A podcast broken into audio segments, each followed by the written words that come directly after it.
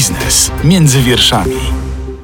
Agnieszka Zaręba, dzień dobry. Jak Frankowicz ma pozwać bank i wygrać? Na czym polega proces frankowy krok po kroku i ile tak naprawdę kosztuje? Co zmieni się dla Frankowiczów po 15 kwietnia, czyli po nowelizacji kodeksu postępowania cywilnego oraz co może zmienić ustawa frankowa, która rzekomo procedowana jest w Komisji Nadzoru Finansowego? Na te pytania odpowie dzisiaj w podcaście Biznes między wierszami w Radio ZPL mecenas Marcin Miszczuk z Kancelarii Radców Prawnych Grabowski i Wspólnicy. Dzień dobry. Dzień dobry. Panie mecenasie, ale zanim powiemy o tych wszystkich krokach, o tych kruczkach prawnych, o tych konkretach, to ustalmy, w jakiej jesteśmy sytuacji, w którym jesteśmy punkcie. Czy to prawda, że obecnie aż 98% kredytobiorców, którzy pozywają banki za kredyty frankowe, wygrywają z nimi w sądach? Tak, można przyjąć, że taka jest właśnie obecnie statystyka. Skąd ona wynika? Bo gdy tak sobie przejrzałam te liczby, to okazuje się, że do 3 października 2019 roku tylko 20% tych osób pozywających wygrywało wygrywało z bankami. 3 października to dla tych um, kredytobiorców we frankach jest taki symboliczny, bardzo ważny moment. Powiedzmy,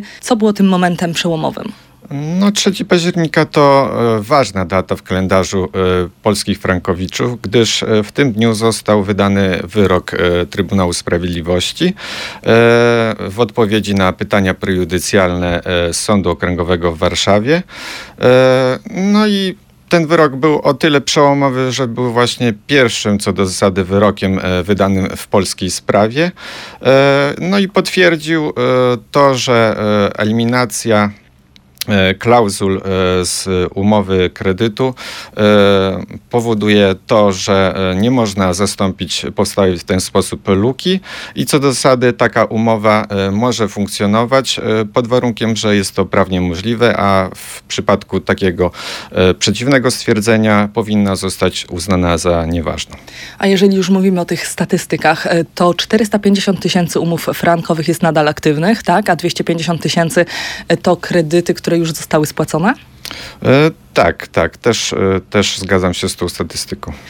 To przejdźmy teraz już e, do konkretów i do takich podpowiedzi dla osób, które e, mają te kredyty we frankach, a nie chcą ich mieć.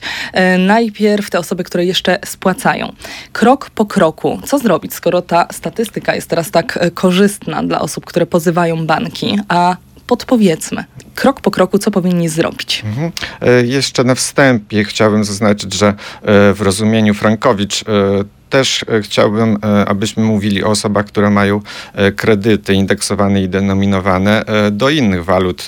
No głównie to może być jeszcze euro, dolar amerykański lub jen japoński, więc jakby te osoby też tutaj zaliczmy do tej grupy.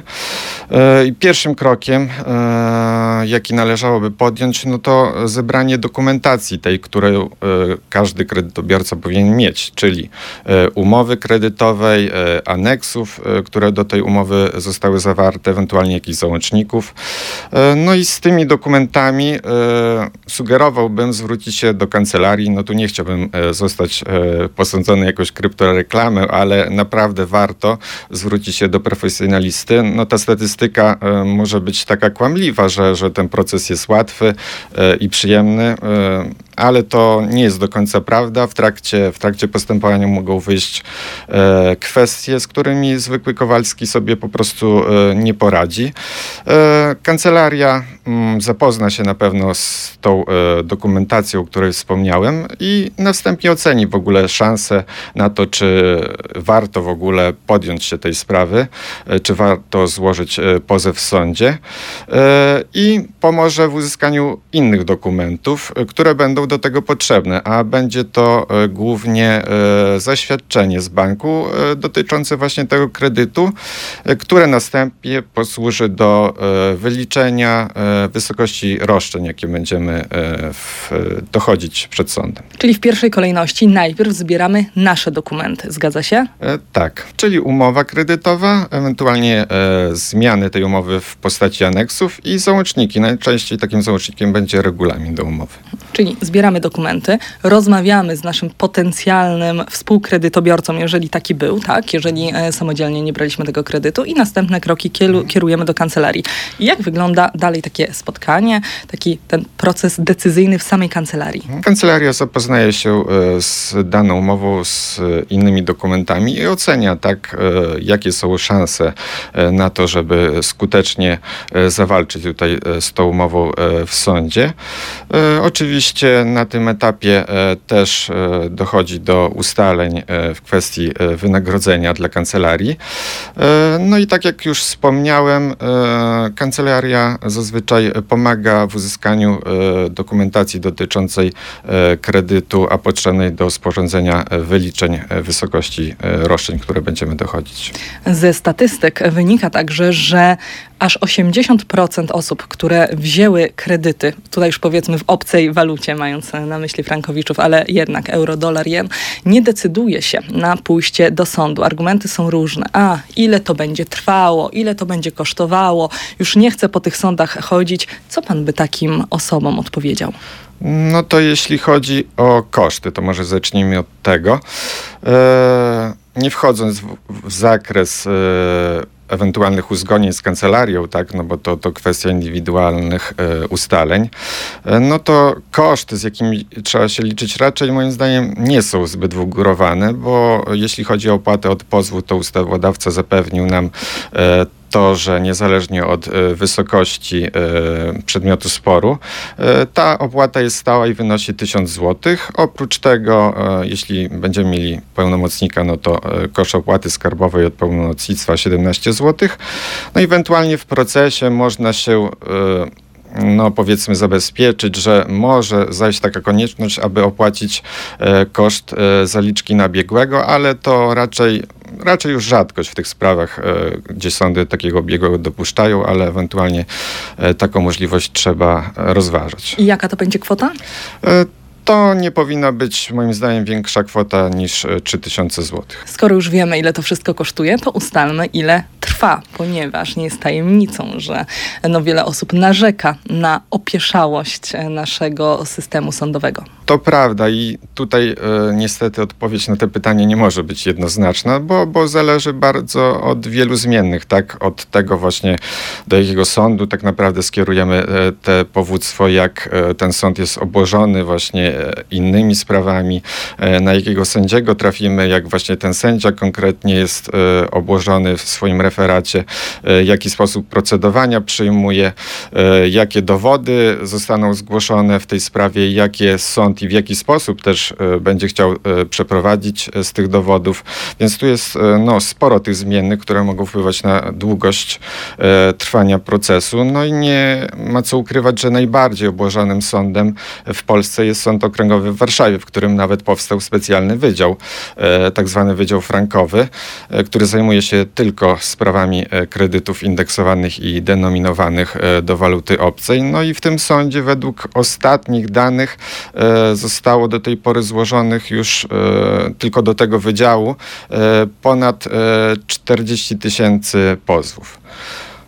A o co tutaj ta walka się tak naprawdę toczy? Jeżeli mamy już ten kredyt w obcej walucie, czujemy się niesprawiedliwie, źle potraktowani, to co my tak naprawdę w tym sądzie możemy wywalczyć? Jeśli mamy do czynienia z taką klasyczną sytuacją, yy, że kredyt jest aktywny, tak, yy, i yy, jest to od początku kredyt właśnie indeksowany lub denominowany do waluty obcej, no to roszczenia, jakie będziemy formułować, będą się opierały o e, ustaleniu nieważności tej umowy i e, zapłaty e, z tego tytułu w postaci kwot, które do tej pory uiściliśmy. A drugie roszczenie to tak zwane odfrankowienie, a one polega na tym, iż eliminujemy te niedozwolone postanowienia z umowy, ale zakładamy, że ona będzie trwała e, w dalszym ciągu tylko właśnie bez tych e, postanowień, czyli co do zasady nie będzie tam już żadnych przeliczeń, odniesień do waluty obcej, ale pozostałe postanowienia takie jak e, wysokość oprocentowania pozostaje w mocy. Czyli w praktyce, co to oznacza, że jakaś część naszego kredytu zostanie umorzona, czy zostaną umorzone odsetki, czy tylko spłacone opłacamy tę główną część kapitału?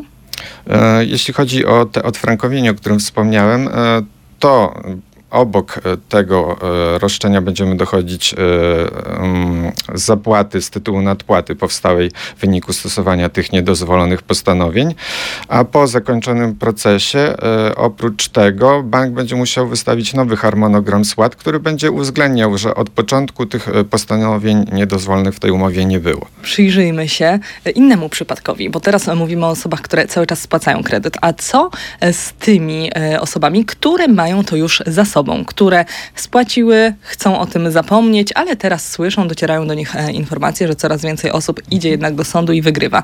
E, czy tutaj już jest po czasie, za późno, czy też mogą coś zrobić? Co do zasady nie jest po czasie, nie jest za późno. E, takie osoby również mogą zdecydować się na złożenie e, pozwu, z tym, że trochę inaczej będziemy formułować nasze roszczenia, bo w takiej sytuacji nie będzie już interesu prawnego w roszczeniu o ustalenie nieważności umowy, czy też e, eliminację tych niedozwolonych postanowień, a tylko będziemy opierać swoje powództwo o roszczenie o zapłatę. A jak to teraz e, wygląda na rynku? Czy Obecnie jesteśmy w takiej sytuacji, że Frankowicz zawsze ma rację. Mówimy tutaj o tym, że 97, prawie 98% tych spraw, tych pozwów jest e, wygranych przez kredytobiorców, ale jednak kilka procent przegrywa w sądzie. W jakiej sytuacji ten nasz już umowny Frankowicz ma rację. Trzeba odwrócić trochę e, i zacząć od tego, e, co e, może się kryć właśnie w statystyce tych kilku procent przegranych spraw.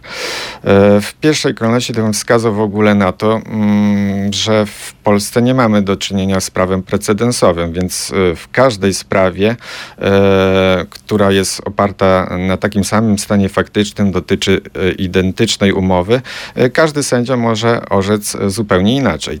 E, więc, więc to jest pierwsza kwestia. E, kolejna to na pewno e, możliwość uznania danego kredytobiorcy za osobę, która zaciągnęła ten kredyt nie w celu konsumenckim, ale w celu prowadzenia działalności gospodarczej, chociaż i takie sprawy też są kierowane już do sądów gospodarczych, gdzie właśnie kredytobiorca, który jest e, przedsiębiorcą, e, pozywa bank i, i też już korzystne wyroki w tym przedmiocie zapadały.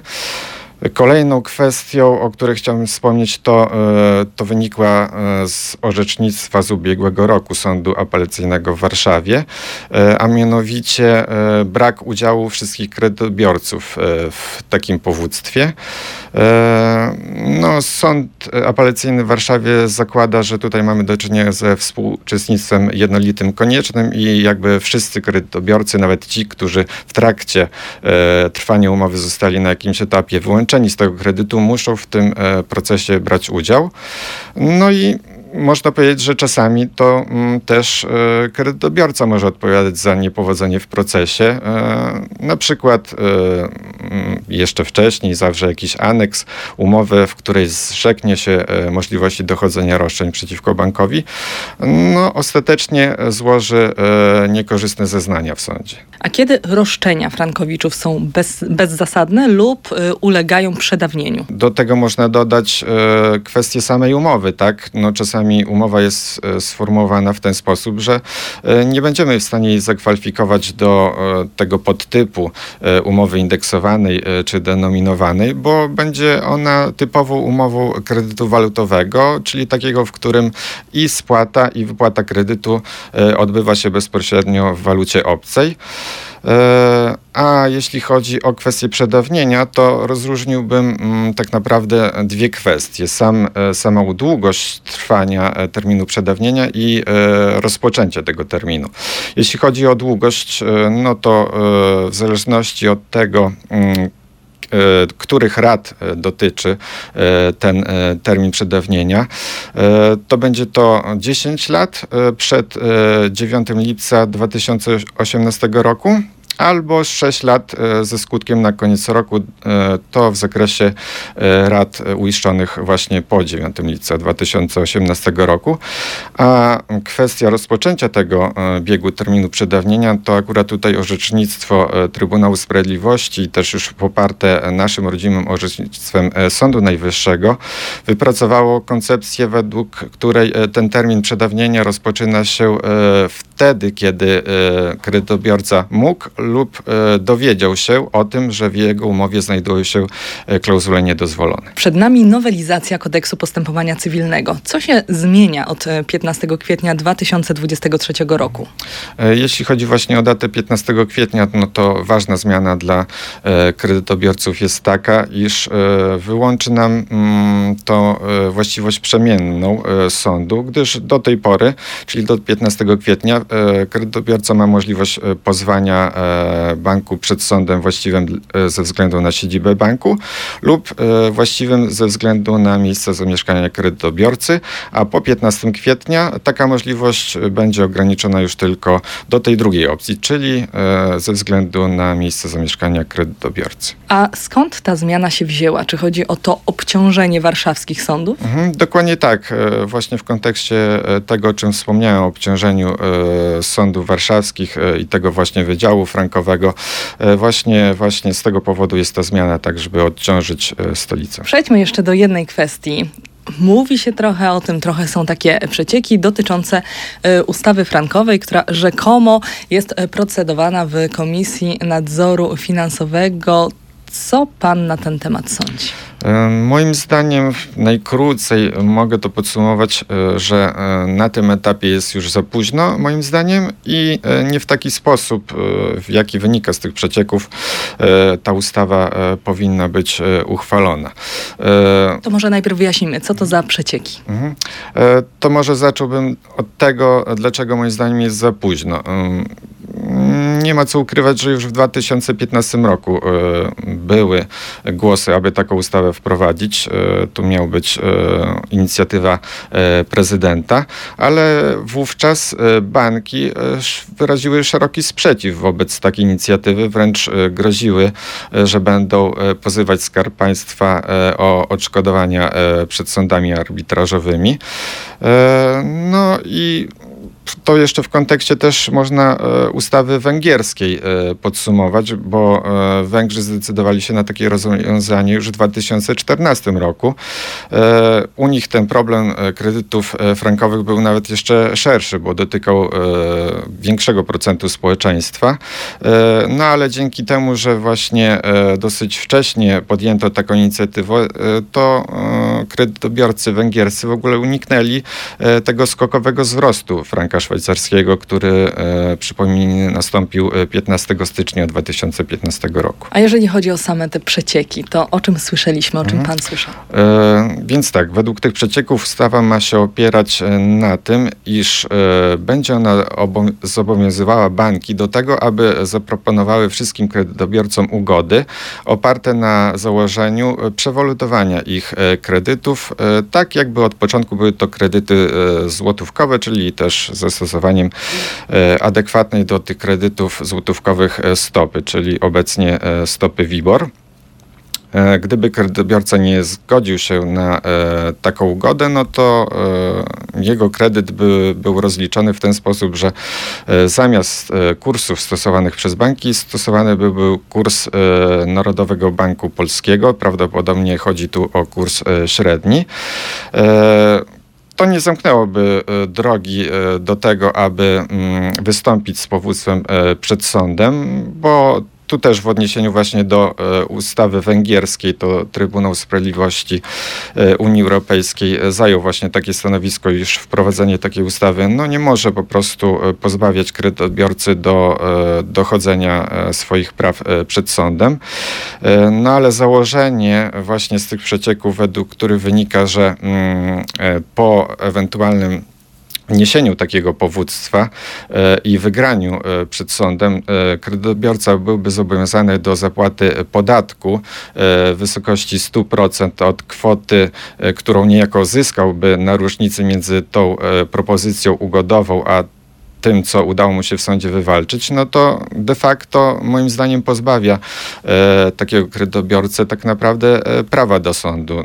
No, moim zdaniem to ta ustawa ma e, za zadanie stworzyć jakieś systemowe rozwiązanie tej kwestii, a tak naprawdę według mnie w takich e, założeniach to, to nie jest cel sam w sobie, to systemowe rozwiązanie, bo celem głównym jest w ogóle zniechęcenie kredytobiorcy, żeby w ogóle do sądu się zwrócił, tak? bo nie będzie mu się to po prostu opłacało. A pan by zachęcał w takim razie te osoby, które cały czas spłacają lub właśnie spłaciły te kredyty w obcej walucie?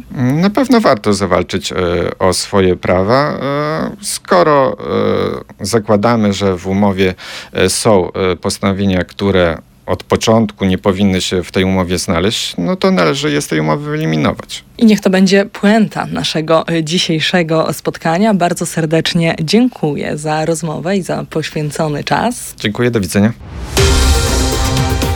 Biznes między wierszami. Więcej podcastów na player radioz.pl.